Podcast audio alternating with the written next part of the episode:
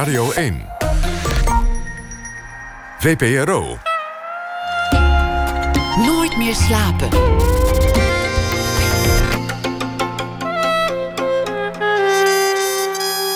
Met Pieter van der Wielen. Goedenacht en welkom bij Nooit meer slapen. Komend weekende wordt het vreselijk weer. Het gaat waaien en regenen.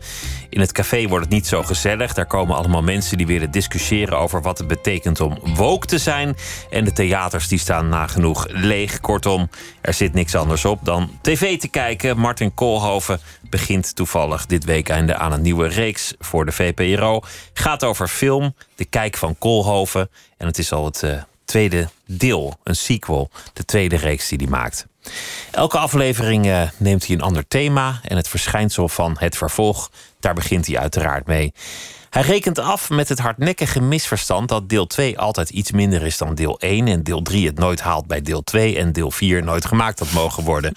Martin Koolhoven dus, filmliefhebber, filmkenner, filmmaker, geboren in 1969, opgegroeid in Asten, bekend van het Klokkenmuseum. Ja. En verder niet zo heel veel, geloof ik. Behalve dat het de geboorteplaats van Martin Koolhoven is. En van Nancy Kolen. Dat is Nance. Die heeft ooit Lingo gepresenteerd. Oh, ja. Nou, het is hier dus meer aan Asten ja. dan, je, dan je dacht. Ja. En het is een Romeinse stad. Met, met, met een Romeinse nederzetting die er niet meer staat. Nee. We houden op Weet je daar in godsnaam veel van?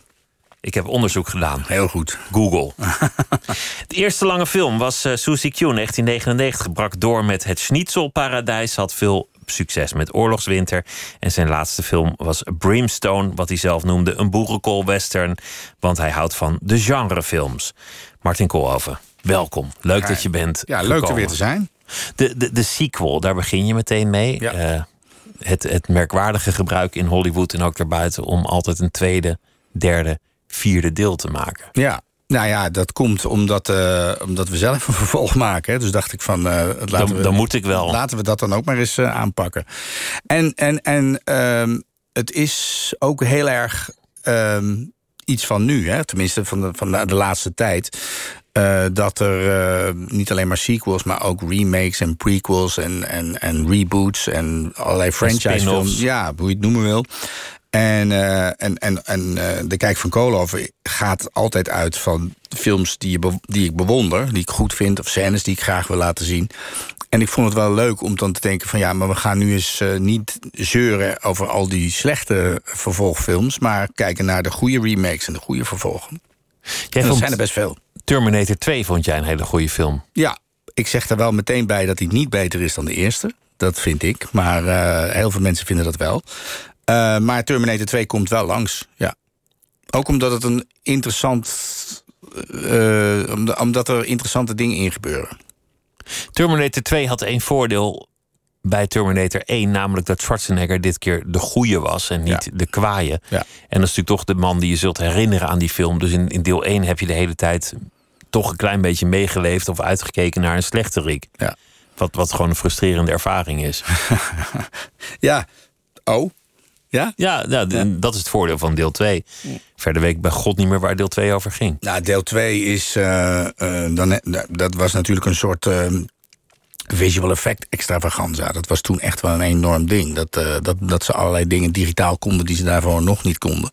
Alleen, uh, het, het, het, is wel zo goed gedaan dat het niet alleen maar dat is. Dat, uh, maar maar het is een, op, op technisch vlak is het wel een mijlpaal kogelgaten die zichzelf weer dichten ja, in het lichaam van, ja. van robotmensen. Ja, en, en, iemand die wiens gezicht morft in het andere en dat soort dingen. Dat, was, dat hadden we daarvoor allemaal nog niet gezien. Is ook altijd lastig kijken als iemand niet dood kan. Want dan, dan wordt hij neergeschoten. denk je, nou, daar zijn we vanaf. En dan, ja. dan staat hij weer op. En dan denk je, ja, hoe gaan we dit dan oplossen? Ja, dat klopt. Dat is, een, een, film. Uh, dat is dramatisch gezien is dat, uh, is dat heel lastig uh, om daar dan goed mee om te gaan. Dat is het, een beetje hetzelfde probleem als wat Suske en Wiske hadden, op een hele andere manier. Dat die toen die, op, toen die Jorommeke erbij haalde, was, was, was er eigenlijk gewoon geen fatsoenlijke plot meer mogelijk. Omdat hij zo sterk was en ja, overal dan kon je Jorommeke, kon je Jorommeke roepen en die, die sloeg iedereen in elkaar. Dan was het, dan was het afgelopen. De, en dat heb je op een andere manier heb je dat met, met uh, met een, een, een unstoppable bad guy.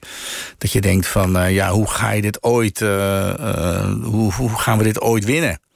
Maar ik vind dat ze dat in de eerste... en want in de eerste is dat eigenlijk ook zo. Hè? Ik bedoel, de, de, de Terminator komt... en er wordt een punt van gemaakt dat ze, dat ze hem overhoop schieten. En dan staat hij op. En ik, oh god, hoe ga ik dit ooit... weet je, hoe gaan we dit, hoe gaan we dit handelen? En dan, uh, uh, dan komt deel 2 en dan, dan, dan is er een, nog iets uh, verschrikkelijkers bedacht. Je vond Godfather ja. 3 geloof ik ook beter dan Nee, 2, 2, nee, nee, nee, nee, nee, nee. 1, 1 is de beste. En Godfather 2 is heel erg goed. Sterker nog, dat is een meesterwerk. En Godfather 3 is, zou een hele goede film zijn... als die eerste twee niet gemaakt waren.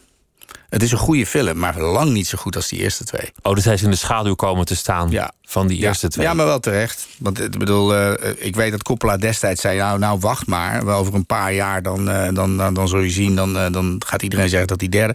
Nou, dat is niet gebeurd. Nee, die derde is gewoon minder goed. Je noemt Suske en Wiske en, en Jerommeke... dan kom je al snel op tijdreizen. Want dat ja, gebeurt ook ja. veel in de reeks. Ik, vind, ik, vind een van de leukste, welke is het ook alweer, dat, dat Jerommeke iets kapot slaat, maar dat het pas vier plaatjes verder kapot gaat. Oh, dat, dat, ik, ik, ik, ik ben niet zo'n uh, Suske en Wiske kennen dat ik nu direct zeg welke, welke aflevering dat is. Maar dat vond ik zo'n mooie metafoor voor, voor dingen die vaak in je bestaan gebeuren. Dat je vandaag iets doet dat pas over vier plaatjes tot schade heeft. leidt. Dat maakt het leven complex. Jullie doen één aflevering over tijdreizen, uiteraard. Over, over de mooiste films, over dat thema. Het, het, moeilijke met dat thema lijkt me dat er één film boven alle andere films uittorent, namelijk Back to the Future. Ja, dat is niet moeilijk. Daar, daar, daar, hebben we het ook over. Dat is, dat is uh, uh, een film die je niet kan overslaan vind ik. Als je tijd kan, kan wel heel bij de hand doen. En allerlei rare Spaanse films die er zijn hoor. Uh, die ook heel goed zijn.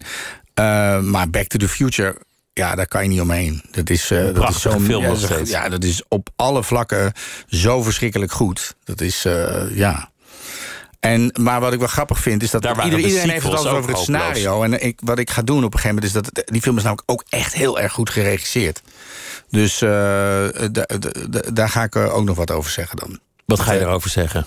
Ja, ga ik dat nu verklappen? Nee, de, een van de beroemdste scènes die erin zit... is de scène dat hij, met, dat hij uh, ja, hoe zullen we het zeggen, de, de, de skateboard uitvindt, zeg maar. Dus dat, dat, hij, uh, dat, dat hij in het verleden zit en dat hij een stuk afbreekt... en dan heeft hij een skateboard en dan, en dan, en dan gaat hij. En dan, Want hij moet op de vlucht voor jongens voor die hebben in elkaar gaan rammen. Precies. Voor de en dat is, dat is zo verschrikkelijk goed geregisseerd. Als je kijkt hoe, de, hoe dat qua uh, mise en scène, dus de choreografie van uh, acteurs en de camera daaromheen, hoe dat gaat. Dat is echt geen, uh, geen kattenpis. Dat, is, dat, dat, dat, dat zijn hele ingewikkelde shots die heel erg goed gedaan zijn. Welke tijdreisfilms zijn er nog meer gemaakt die, die jij de moeite waard vindt? De moeite waard vindt. Nou ja, uh, in die film zit dus ook de Terminator bijvoorbeeld. Dat is een... Uh, een gaat over tijdreizen. Teruggaan om ja. iemands geboorte te verhinderen. Ja, precies. Uiteindelijk, ik weet niet meer of dat nou de uitzending gehaald heeft... want dit, ze zijn nog niet allemaal af, hè. uiteindelijk ontpopt dat zich in een soort... eigenlijk in een soort Jezus-verhaal. En, uh, en dat is een van de mooie dingen van Terminator. Wat, wat zij, wat, als mensen het nog niet gezien hebben, hou, uh, doe even je oren dicht. Uh, um, eigenlijk ontvangt zij, zij wordt, uh, een, een, een, hoe heet dat, onbevlekte ontvangenis, want hij bestaat nog niet. En uh, het is de Messias uh, in de toekomst, die, uh, waar zij dus de, de, de, de, de moeder van is. En die heeft ook de initialen JC. En dat is allemaal niet voor niks. Dat, is, dat, is, dat, is, dat motiefje ja, hebben ze er lekker ingelegd. Absoluut, ja. ja.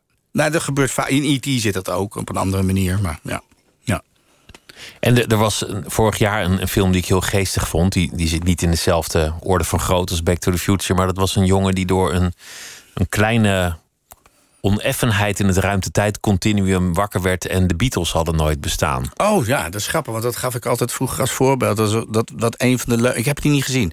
Maar uh, als, als een van de leuke ideeën van wat is nou leuk aan tijdreisfilms, is dat je er kan fantaseren ook van wat nou als je terug in de tijd gaat en je, je, je komt van de tijd voor de Beatles. Dan kan jij gewoon alle, alle, alle Beatles-liedjes kan je dan gewoon uh, doen. Dat is, dat, is, dat is een van de dingen die er leuk aan is. Maar daar, zit, daar gebeurt het dus. De Beatles bestaan niet. Gaat hij dan Beatle-liedjes uh, bedenken? En hij gaat in, in deze tijd proberen rijk en beroemd te worden... met diezelfde met die Beatles. hits, maar Ja. komt in, in de klauwen van marketingmensen. Ah, oh, het is eigenlijk een sociaal kritisch ding. Is eigenlijk Ja, dat ze- als nu de Beatles zouden bestaan, zouden ze niet eens meer boven komen drijven. Dat is Dan, zou iemand anders hun haar knippen. Ja, ja. Tegenwoordig eh, wordt trouwens de tijdreisfilm langzaamaan verdrukt. En dat heeft te maken met het voortschrijden van de wetenschap door het parallelle universum. Klopt, dat is het nieuwe ding. Dat is, eh, eh, dat is iets wat je nu veel in, in films ziet. Ehm, eh, onder invloed van de, hoe heet dat, de kwantummechanica, waar natuurlijk, eh, of natuurlijk, waar het, het parallelle universum een van de th- theorieën in is. En dat is natuurlijk gewoon te interessant voor verhalenvertellers om dat te laten liggen. Dus je ziet dat bijvoorbeeld in, eh, in eh, Spider-Man Into the Spider-Verse. De eerste film die ik eh, behandel eh, aanstaande vrijdag. De getekende versie is dat. Ja, dat is een getekende film, animatiefilm. En eh, ook daar zie je in eh, dat er eh, sprake is van meerdere universums. En dat er dan iets gebeurt waardoor er die dingen door elkaar gaan lopen. Ja, dat is een, een, een, een, ja, een waanzinnig idee. Eh, wat, wat blijkbaar nu in, eh, in, in filmland eh, invloed heeft. Je ziet het ook in, in, in boeken en zo. Ik heb laatst ook een boek gelezen, wat, of een kinderboek was dat. Dat ging daar ook over. Dat, was zo, dat ging over, ik ben even de ti- titel kwijt. Maar dat ging over een jongetje dat eh, zijn vader of zijn moeder eh, verliest. En dan, maar ja, er is dus ook een ander universum waarin dat niet gebeurt. Dus eh, ja. Alles is mogelijk, Ja, want, ja. want het is eigenlijk een, een loterij met oneindige trekkingen. ja. Dus elke het variant hele, de, de, vindt de, plaats. de, de idee in de kwantum, eh, zover ik het begrijp, is dat eigenlijk steeds als er een, eh, iets kan gebeuren, dan alle opties gebeuren. Maar dan splitst eh, het universum en dan is er een ander universum waarin die mogelijkheid, de andere mogelijkheid ook gebeurt. Kun je ook troost, troost uithalen natuurlijk. Hè? Van in deze versie loopt het slecht af, maar elders is een Ja. universum waar het wel goed Waarin, is gegaan. waarin het allemaal beter gaat. Ja. En, het, en het is uiteraard ver- verwarrend.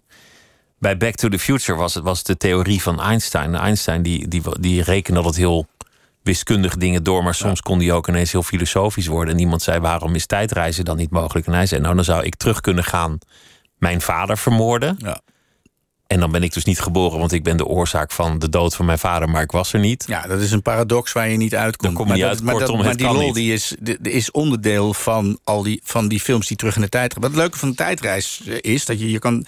Je hebt allerlei keuzes. Je hebt de eerste keuze is ga je naar voren of ga je naar achter. En als je naar voren gaat, dat is, dan, dan kom je in van... het is leuk om de toekomst te zien. Van hoe zou dat zijn? Weet je, wat is, eh, wat is daar allemaal anders dan nu? En als je terug in de tijd gaat, dan, dan kom je in, eh, al snel bij het idee... als je iets verandert, heeft dat dan invloed op wat ooit eh, mijn heden was. Wat dan de toekomst is. En, eh, en, daar en daarbinnen heb je dus allerlei films die, eh, die daar verschillende spelregels in maken. Sommige, eh, daar kan je het veranderen. Eh, maar er zijn er ook bij waarbij je denkt dat je het verandert... maar uiteindelijk was het altijd al zo. Die heb je ook. Dus dat, ja, de- Eindeloos veel mogelijkheden. Ja, Het zijn weer, net als in je vorige reeks, vooral genrefilms. ja, je, dat houdt vind ik het leukst. Ja. science fiction, Ja, horror, western, Ja. Ja. misdaadfilms, dat, dat soort dingen. Dat, dat is voor jou Ja. persoonlijk het leukste, maar, maar jij, jij geeft er ook niet op af zoals veel filmkenners, filmrecensenten, die, die, Nou die doen er toch niet, een beetje... Niet wereldwijd hoor, dat is een beetje een Nederlands ding. Het is het, het, genrefilms. Ik vind het uiteindelijk gewoon de eredivisie van het film maken. Alleen dat wordt, dat wordt, die mening wordt niet altijd gedeeld. En ik vind wat er zo interessant is aan genrefilms... en vooral eh, ehm, als ze al wat ouder zijn... dan, dan, dan zijn zij vaak zijn de perfecte barometer voor, eh, voor hoe het toen was. Er zijn allerlei...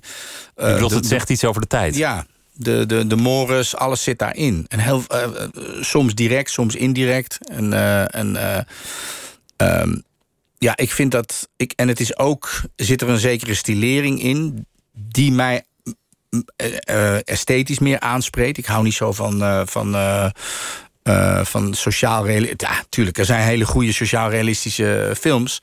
Maar ik hou van films die, die meer een, stilering in zich hebben. En wat genres ook hebben, is genreconventies. En dat vind ik ook heel leuk. Dat je, dat je vrij snel kun je iets duidelijk maken. En dan is het ook weer eh, interessant om daarbinnen dan weer eh, origineel te zijn. Dat had ik heel erg toen ik, toen ik Brimstone maakte. Ik vond het heerlijk om uh, in een internationale traditie te staan. En dan daarbinnen origineel te zijn. En het is heel moeilijk om origineel te zijn als er geen conventies zijn, want dan is alles origineel. Dan, dat dan laat ik zo zeggen, dan betekent originaliteit niks. Dus je had alle regels van de western, van het genre, en daarin kon je dan je eigen film maken op je eigen manier en juist afwijkend zijn. Als je dan afwijkt, dan betekent het iets.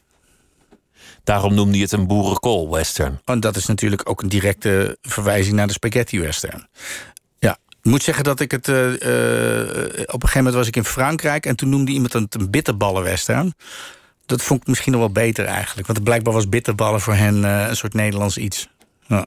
Ik wist niet dat ze dat daar kenden. Ja, maar ja, het kan ook zijn dat hij ook gegoogeld had, natuurlijk. Hè? Dan kan dat Google, is een, wereld vol mogelijkheden. Ja. Het gaat ook over Nederlanders in, in de nederzettingen.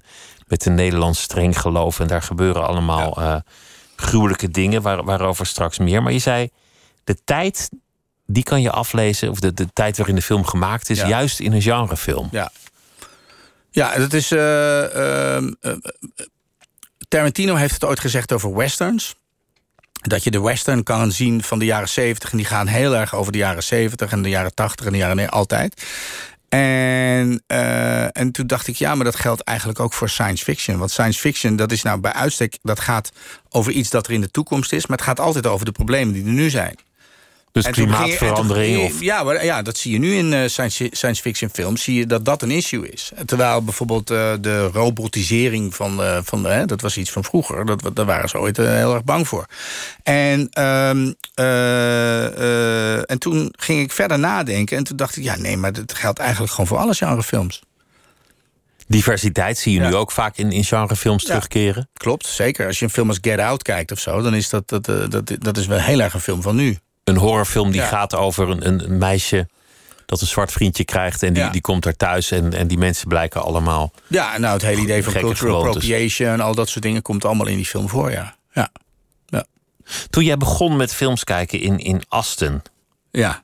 Waar, ik, denk, ik, denk, dat ik in De Lier begonnen ben, maar oké, laten we Asten zeggen. Want toen, vanaf toen ging ik naar de echt iets. Ben ik, iets ik ben elf jaar hè, toen ik in Asten kwam wonen.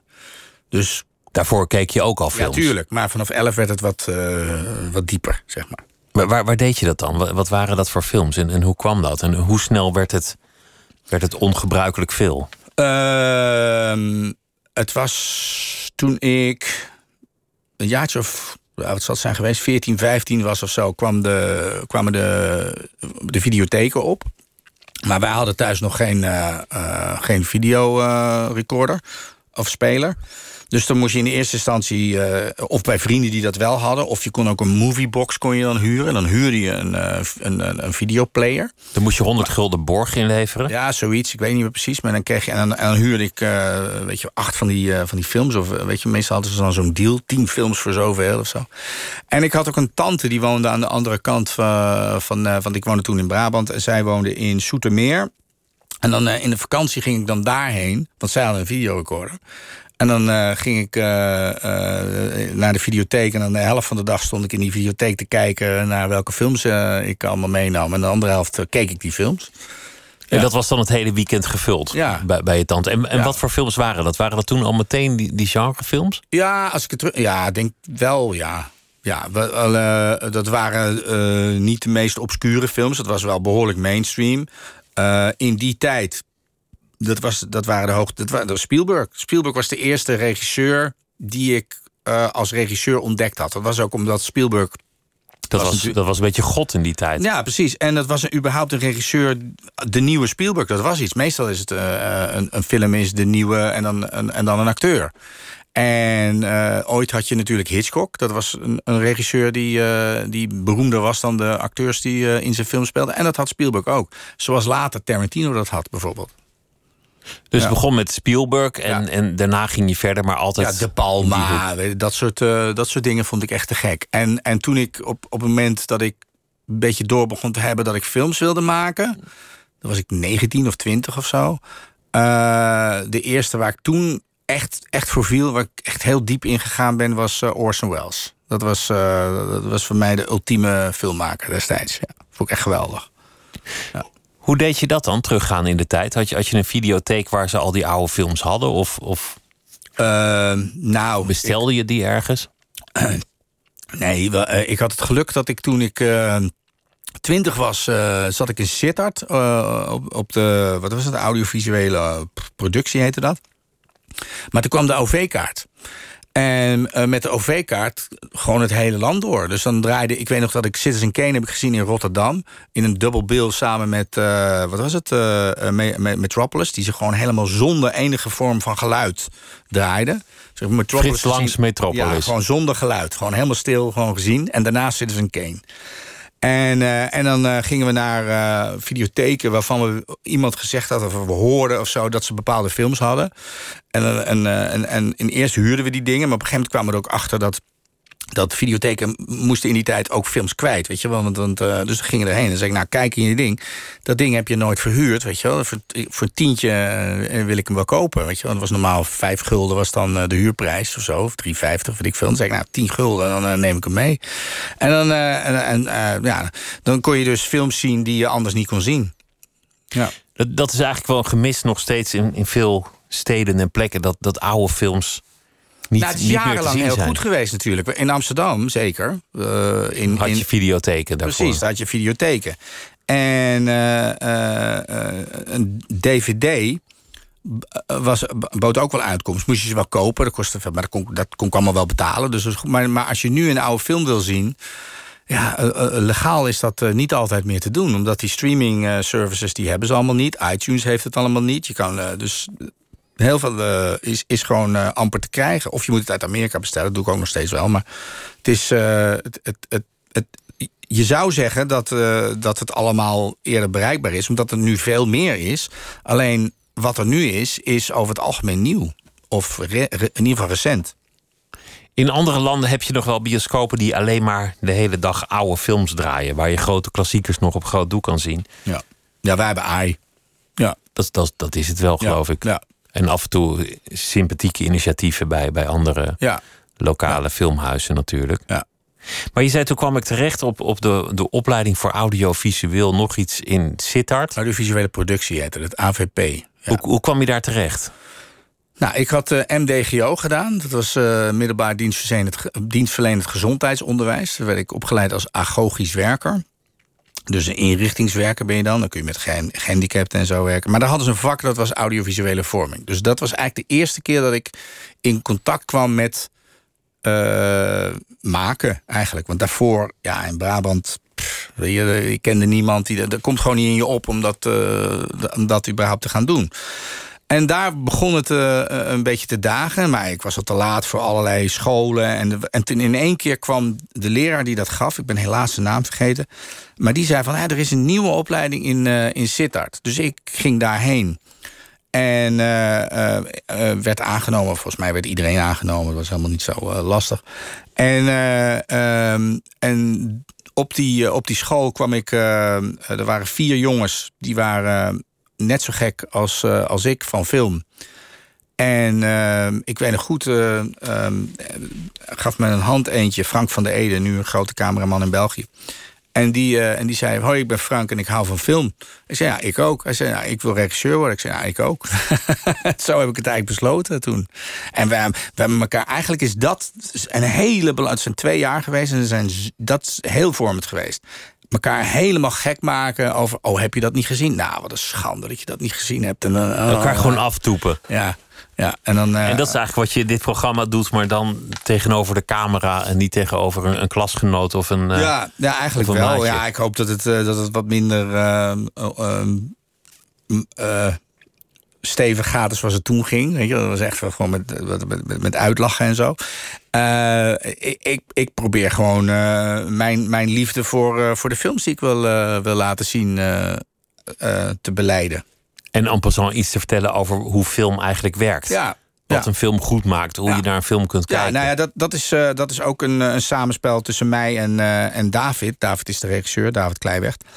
En soms zeg ik iets en dan zegt hij: oh, wa- Wacht, wat zeg je nou? Hoe, hoe- en leg dat eens uit. En dan ga je dieper in op, eh, op hoe, hoe je film maakt. En, dat, en dan, eh, dat, zo ging het tenminste in het eerste eh, seizoen. En in het tweede seizoen uh, zat het ook iets meer ingebakken om daar zelf ook over na te denken. Over, oh, dan kunnen we daarover hebben of dan kunnen we daarover hebben. En jullie maken het lekker rommelig. Dus, dus geen tekst is uitgeschreven. Het is gewoon zitten. Ja vertellen? Nou ja, wat hij zei, het, het, dat het komt uit... Uh, hij, zij kwamen naar mij, zij zou je een filmprogramma willen maken? Ja, en we waren aan het praten. En op een gegeven moment zei David, zei, maar ik wil gewoon dit. Wat je nu doet, dat wil ik. En uh, ik zei, nou ja, dan, dan moet ik het aan jou vertellen. Weet je, dan, dan moeten we niet... Want in de eerste instantie was nog een soort idee... om een soort collegeachtige setting te hebben en zo. Ik zei, nee, dan moet ik het gewoon aan jou vertellen. En, en ik weet niet meer wie dat bedacht is. Waarschijnlijk hij. Hij, zei, hij kwam toen met het idee om eigenlijk een soort spiegel voor de camera te zetten... zodat, uh, zodat ik, het lijkt alsof ik de kijker aanspreek... maar ik spreek eigenlijk gewoon hem aan. Want ik zie hem ook. Ik, ik zie in plaats van waar Matthijs zeg maar letters ziet... zie ik dan David. Dus, en, dan, en dan praten jullie tegen elkaar aan. Ja.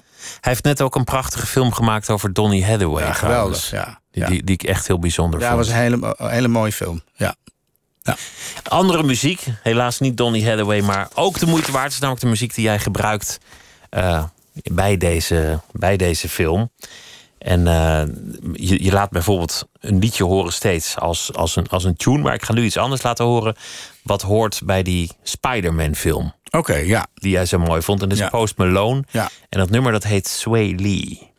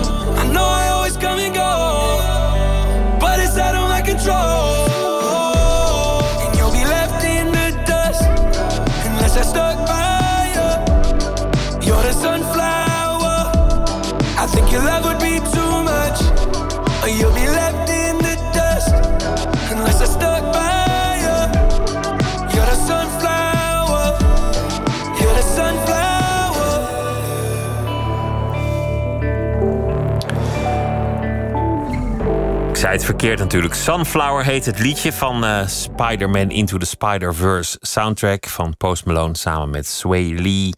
Uitgekozen door Martin Koolhoven, die die uh, film ook bespreekt in zijn nieuwe reeks De Kijk van Koolhoven. Ja, dat was een van de, een van de uh, leuke dingen van die film. Dat, dat er zit behoorlijk veel moderne muziek in. En er zat een soort muziek in mumble rap en weet ik wat allemaal, waar, ik niet heel veel mee had. En in die film, ik zag hem en in, in één keer voelde ik het. In één keer, uh, en dus dat is niet alleen Post Malone. Ik ben daarna wel ook Post Malone meer gaan luisteren. Ik ben nu een groot fan. Maar dat komt door die film. Ja. Een superheldenfilm wordt, wordt pas echt mooi als je het niet helemaal een superheld laat zijn. Want iemand die totaal niet bang is, kan ook niet echt een held zijn. Het wordt pas moedig als je de angst voelt. Dat is ook een van de grote problemen van, uh, van, uh, van superheldenfilms. Nou ja, neem iemand als Superman.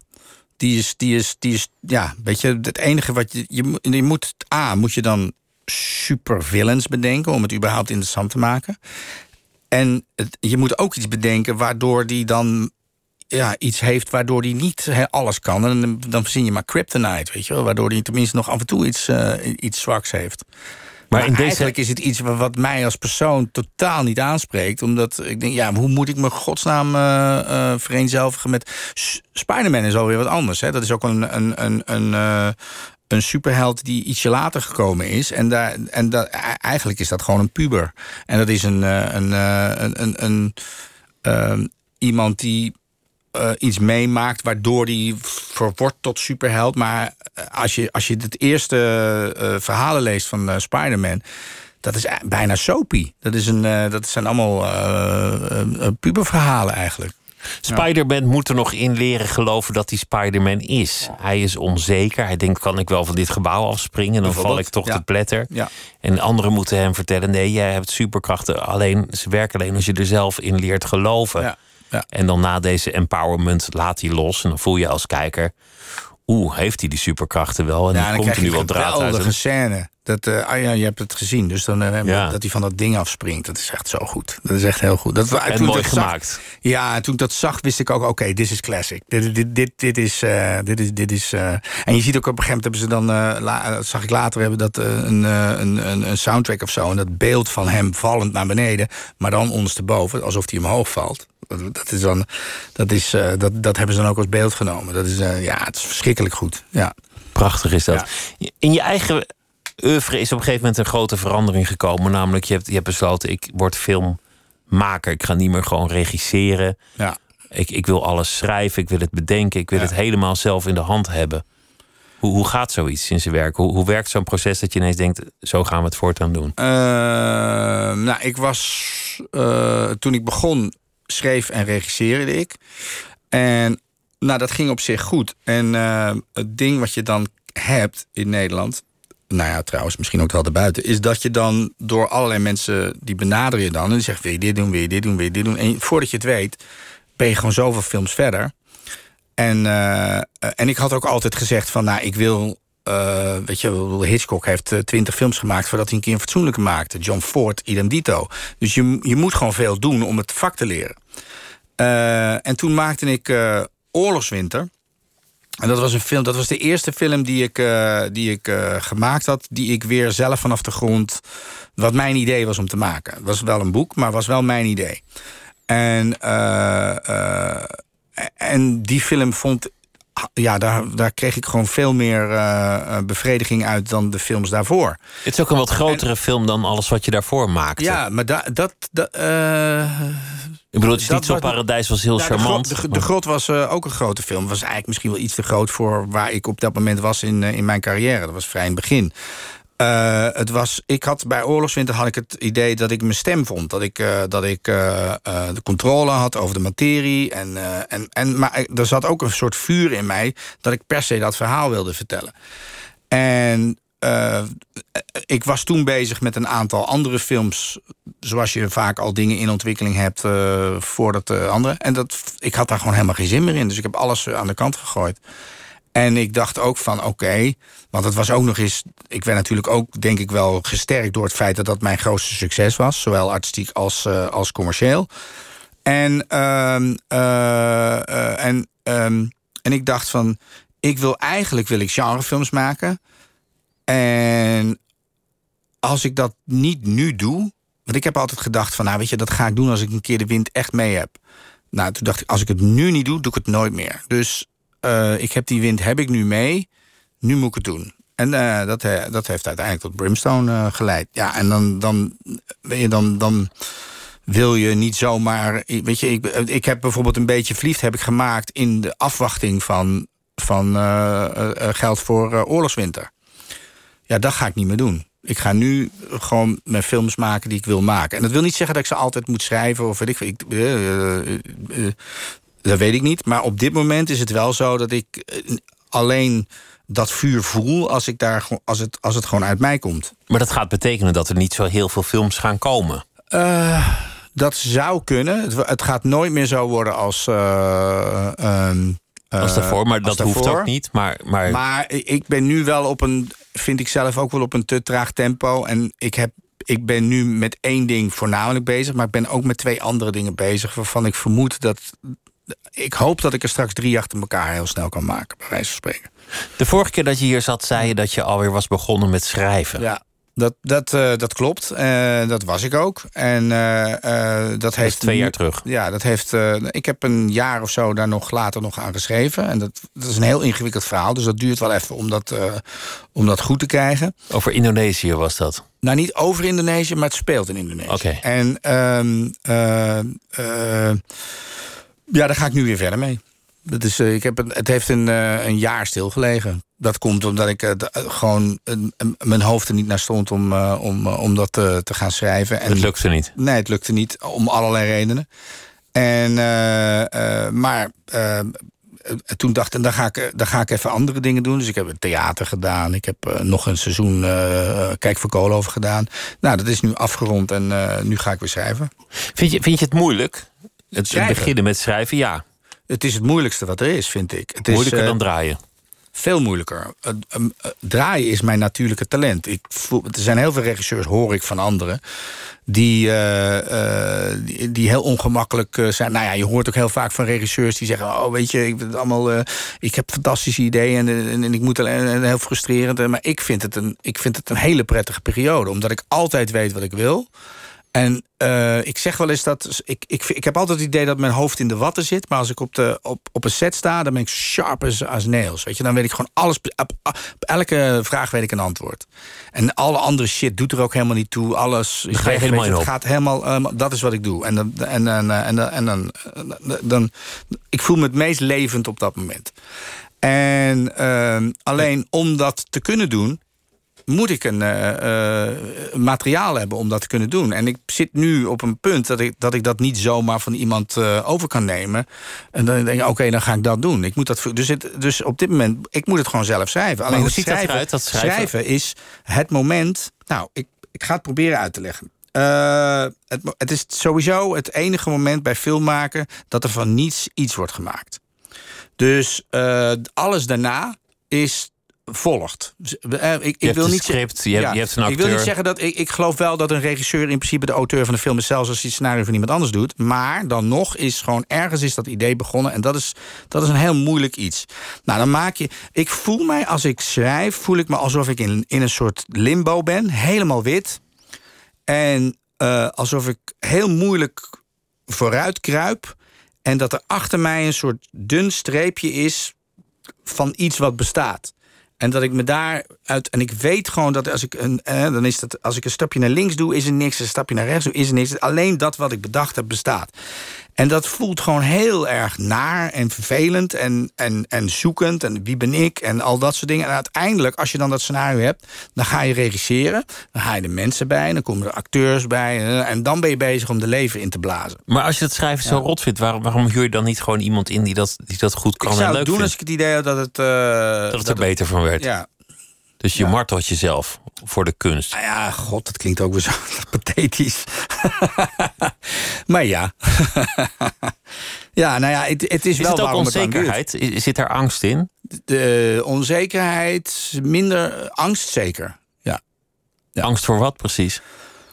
Uh, nou ja, uiteindelijk is mijn grote angst natuurlijk de, de angst dat ik niet goed genoeg ben. Dat is. Dat, is dat iedereen door je heen kijkt en zegt die, die koolhoven, ja, eigenlijk was het gewoon niks. Nou, nog erger. Dat, nog ik, zelf, dat ik zelf denk van ik ben gewoon niet goed genoeg. Weet je, dat ik, ik weet namelijk, ik pretendeer, dat is echt heel verschrikkelijk. Ik ga nu iets zeggen wat eigenlijk fucking arrogant is, maar ik doe het gewoon. Ik pretendeer te weten wat goed is. En, uh, de, en, en, en er zijn gewoon zulke goede films gemaakt. En ik wil gewoon geen rommel maken. Ik wil gewoon iets komen wat in ieder geval daarbij in de buurt komt. Je verhouden tot Spielberg en je verhouden tot uh, Scorsese ja, en, en dat soort ja, grootheden. En, en, en, en ik ga echt niet beweren dat dat uh, op dit moment het geval is. Maar dat is ook de pijn. Dat ik gewoon niet aan, aan, aan, dat ik uiteindelijk straks als ik mijn kist in ga, dat ik niet heb kunnen voldoen aan mijn eigen verwachtingen.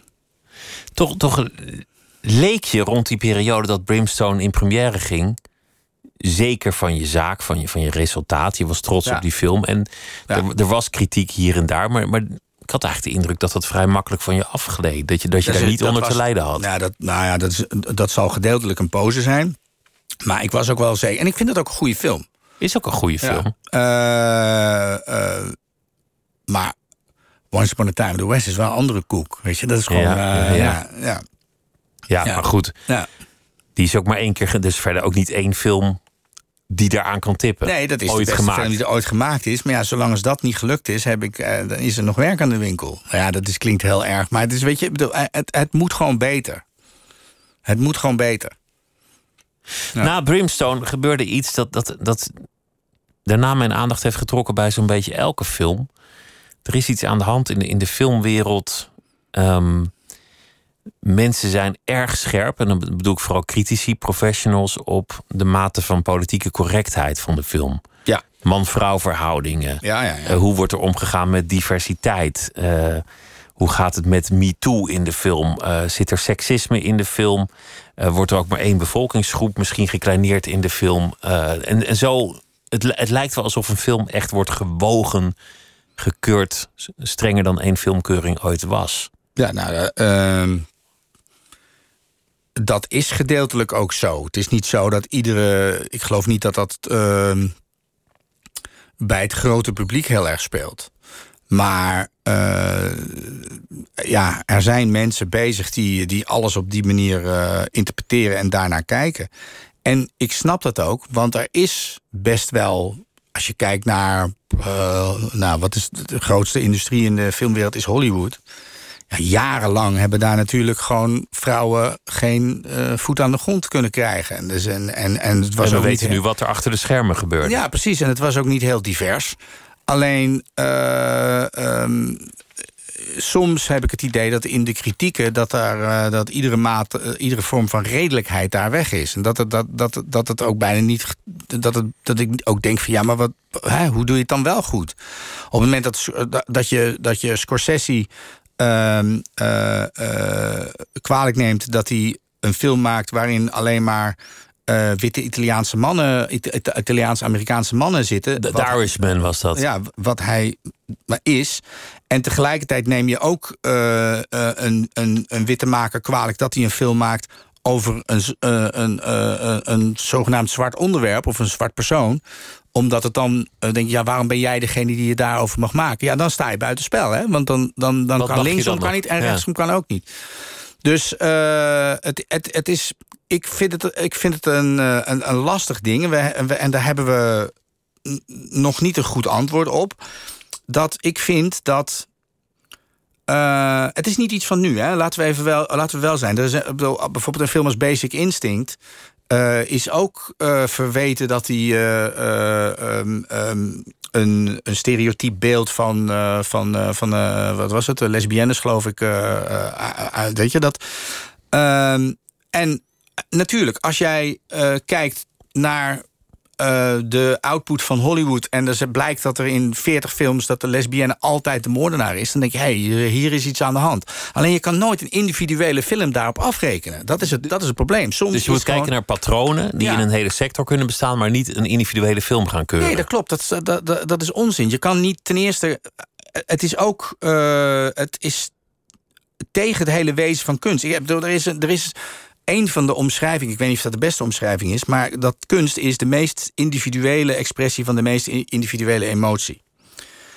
Dat gaat in tegen elke inclusieve gedachte die er is. Want dat, dat, betekent dat ik elke fascinatie die ik heb... juist moet omarmen en bot moet vieren. Als ik de Kijk van Kolen van maak... dan moet ik uitgaan van mijn smaak. Dan wordt het een goed programma. Als dan blijkt dat, er, uh, dat, er, dat dat niet helemaal divers is... dan ga ik zelf soms ook, krap ik achter mijn oren... en denk ik, ja, wacht even. Is, uh, weet je, ik ga even kijken of zo. Maar dat moet ik niet te ver in gaan. Want dan, dan doe ik... Uh, dan is jouw programma niet meer. Nee, dan, dan, dan, dan is het afbreuk aan wat het hele idee van het programma is. De, de afgelopen maanden was, je noemt het de Irishman van uh, ja. uh, Scorsese. Ja. Nou, dat, dat werd in de Volkskrant, in een stukje werd die film afgebrand, omdat er alleen maar mannen in zaten. Maar ja. waarschijnlijk was de Italiaanse maffia in die tijd in New York niet een heel feminien gezelschap. Nee, dat klopt. Vermoed het is, ik. Het is, het, is, uh, uh, uh, het is misschien een karikatuur, maar als er mensen zijn die. Ik heb oorlogswinter gemaakt. En als er mensen zijn die, uh, die mij dan vragen waarom er zo weinig mensen van kleur in zitten, dan zeg ik nou, die waren er niet toen destijds in Zwolle. Waar, uh, weet je, dat is. En, en, en, en, en, en, dan, kun, dan kun je zeggen, ja, maar er waren ook in. Uh, er, er, waren wel degelijk Marokkanen die vrijheidsstrijder waren of zoiets in, in de Tweede Wereldoorlog. Ja, maar dat heeft niks te maken met mijn verhaal. Ik ben dit verhaal aan het vertellen. En in principe zijn er altijd, tenminste dat is mijn theorie... als je een, als je een verhaal, een film maakt, zijn twee pijlers. Er alles, alles moet daaruit voortkomen. Moet uit het verhaal en uit de karakters. Daar, dat, dat is gewoon waar je alle keuzes uh, uit voort laat vloeien. Ja, in het hoofd van Scorsese is het dus zo... dat dat verhaal uh, met die karakters dat dat dus dat dat alleen maar mannen, of voornamelijk mannen uh, behelste. Ja, ik vind het een geweldige film. Dat vind ik belangrijker dan, dan of er een, een, een, vrouw in speelt die meer, meer, meer hoe heet dat, woorden heeft dan dat er nu in is. Ik vind wel dat als je kijkt naar de hele filmindustrie, dat het raar is als er blijkt dat er nergens rollen voor vrouwen in zijn. Dan, dan is er een collectief probleem. Maar dan kan je, die film kan je, daar niet, kan je dat niet af, aanrekenen. Stephen King schreef een, een, stuk erover... naar aanleiding van de laatste Oscars... waarom verandering zo langzaam gaat in die, in die sector. En hij had ja. iedereen boos gekregen. De, de, de pro-diversiteit, anti-diversiteit. Oh, dat... En dat is waarschijnlijk het teken dat het een verstandig stuk was. Nou, ik heb het niet gelezen. Dus vertel de strekking eens. Waar ging het, wat, wat, waarom was men boos? Nou, hij zei, je moet niet individuele films de maat gaan nemen... maar je moet gewoon eens kijken of je die Academy kan hervormen. Ja, maar dat is. Uh, uh, ik snap niet wie ze daar boos mee gekregen hebben dan. Of, ja, iedereen is boos, toch? Ja, dat is waar. Maar het, het, ding, het is. De laatste jaren is de Academy dat als een gek aan het doen. Sowieso, uh, ik weet niet of het nog zo is, maar een paar jaar geleden is een zwarte vrouw de. de, de, de, de hoe zeg je dat? De leider of de baas, of weet ik veel wat, van de Academy geworden. En uh, uh, de afgelopen jaren zijn ze heel erg bezig geweest om mensen uh, van buiten Hollywood, ook mensen uit Europa te krijgen en uit Azië en overal. En om jongere mensen te krijgen, om meer vrouwen te krijgen, om uh, ook anders dan witte mensen. Dus ze zijn er al jaren mee bezig.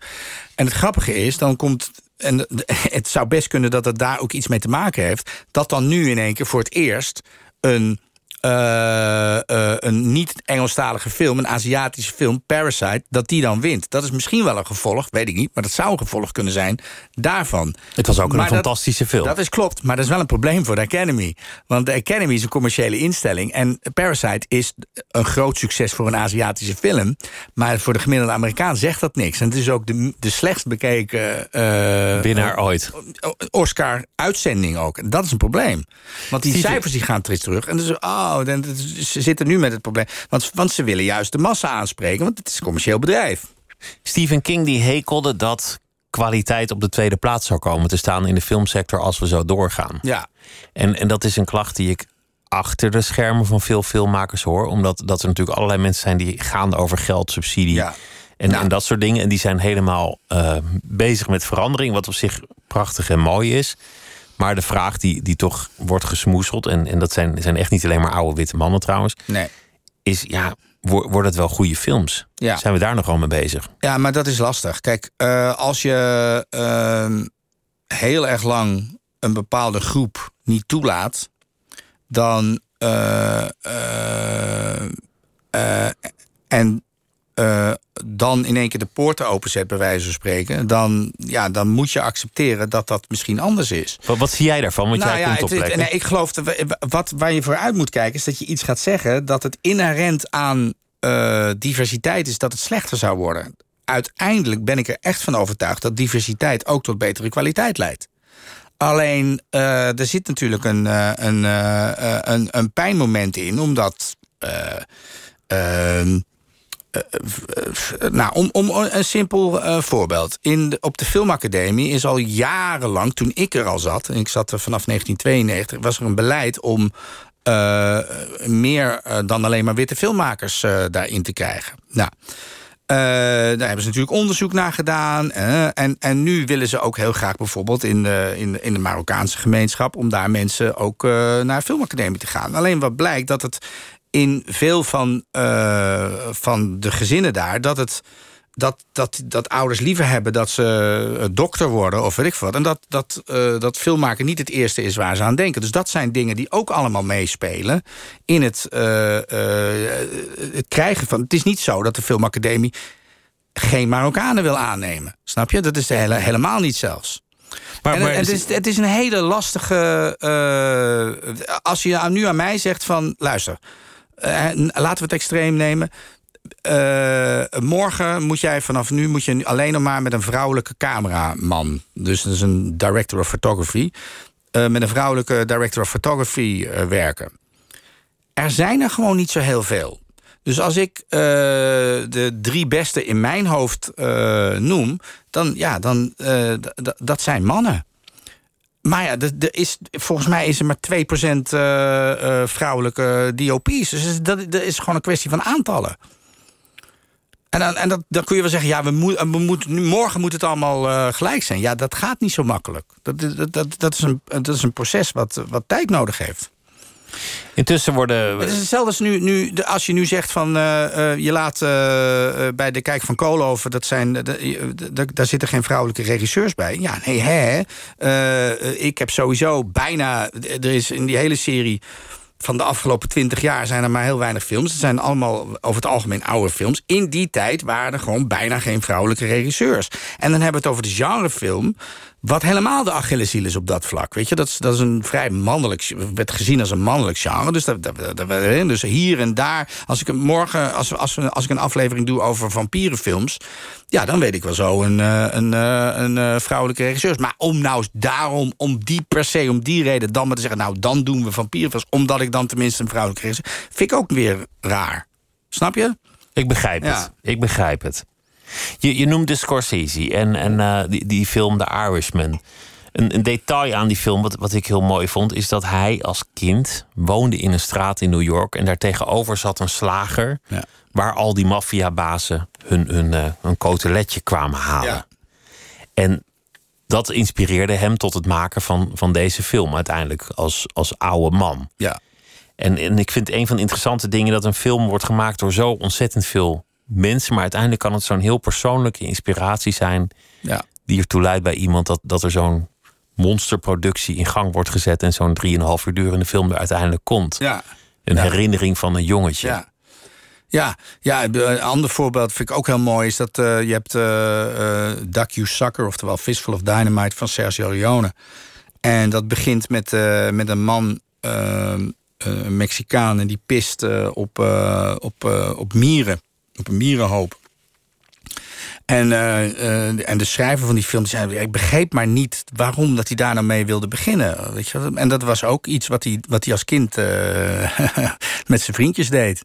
Speelt dat, dat bij jou nu meer? Als je nu auteursfilms aan het maken bent, komt er nou bij jou ook meer van je, je eigen autobiografie en je eigen fascinaties terug in je films? Eigen fascinaties sowieso.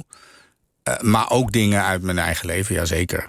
Ja, noem eens iets. Ja, het meest simpele voorbeeld is, uh, wat ik nu bedenk, is in oorlogswinter. Als, als hij, uh, uh, hij is dan de hoofdpersoon, uh, een, een teken af. hij spreekt een fluitje af met, met die Engelse piloot die onderin het ding zit. En dat is, dat is mijn familiefluitje, daar ben ik mee opgegroeid. Weet je, dat is gewoon hoe ik door mijn vader altijd. en mijn Als je moest eten of zo, dan, dan ja, werd er gefloten. En dan moest ik komen. Ja. En dat wordt dan hun teken. En dat, was, hun, eh, dat was hun fluitje dan, ja. Zoals in andere oorlogsfilms een, een bepaald soort uh, kikkertje hadden dat klik-klik zei, waar je, dan, waar je dan mee moest klikken. Ja, dat was, uh, dat is, uh, hoe heet die nou, och. Dus de longest stay, ja, toch? precies, ja, klopt, met dat tikken. Dat is grappig, dat is mij ook altijd bijgebleven. Ik als kind gezien en dat was zo'n klikkertje. En dat was na de rand, deed iemand dan iets met een, met een geweer en daardoor dacht die andere dan dat dat, is het klikkertje. Precies dat klikkertje was. En, uh, dat is en loopt dan zijn eigen dood tegemoet. Ja, precies. Ja. Oorlogsfilms en een, en een code en een geluid Daar, daar, zou, daar zou je een hele aflevering vol mee Ja, kunnen precies. maken. Ja, ik, ja, soms denk ik dat dat het inderdaad het leukste is. Hè? Dat, het gewoon, dat, dat je het zo, zo klein mogelijk maakt, inderdaad. We doen alleen maar scènes met, eh, met waarin eh, dit, dit woord gezegd wordt of zo. Weet je wel? Dat vind ik leuk. Wat, wat gaat er verder gebeuren? Want we hebben het gehad over de, over de sequel. We hebben het gehad over, over tijdreis. Die gaat het ook hebben over de, de Eurocrimi.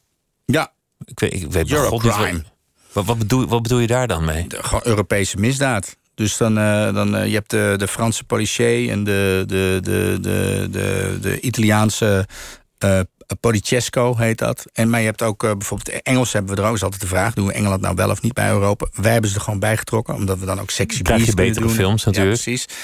En eh The Long Good Friday. En, eh, ja, Sexy dus, Beast was, was zo'n jaren negentig maffiafilm... van een uitgerangeerde man aan een, aan een zwembad in Ja, de het was een, eh, de een, hitte. een, een iemand die inderdaad voor de, voor de Italiaans, sorry, de, de Engelse eh, georganiseerde misdaad werkte. En, eh, en hij woonde nu in Spanje. En hij werd door, eh, door Ben Kingsley wordt hij dan eigenlijk teruggesommeerd om, eh, om, om weer een kraak te zetten. Nog één keer. Eh, ja, en, en Kingsley is zo fantastisch. Dat is echt zo'n. Het is ook, het is ook zo'n goed idee.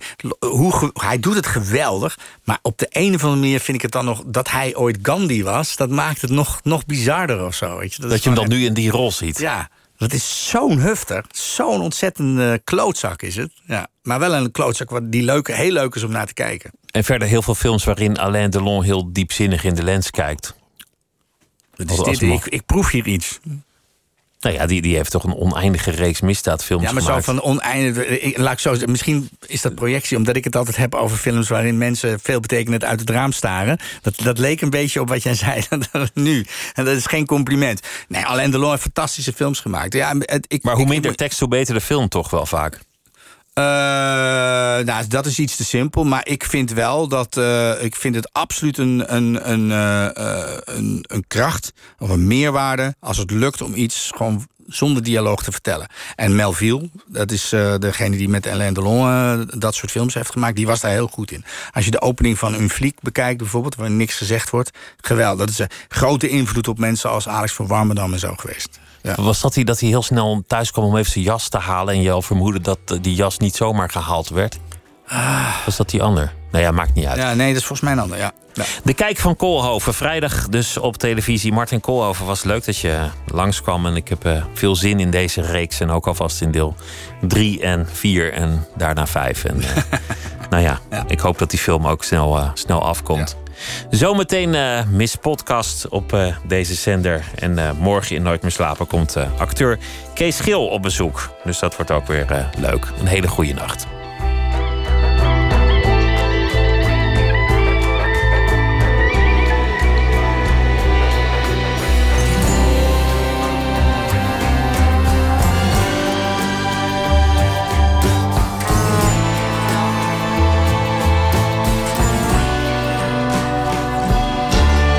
Radio 1. Het nieuws van alle kanten.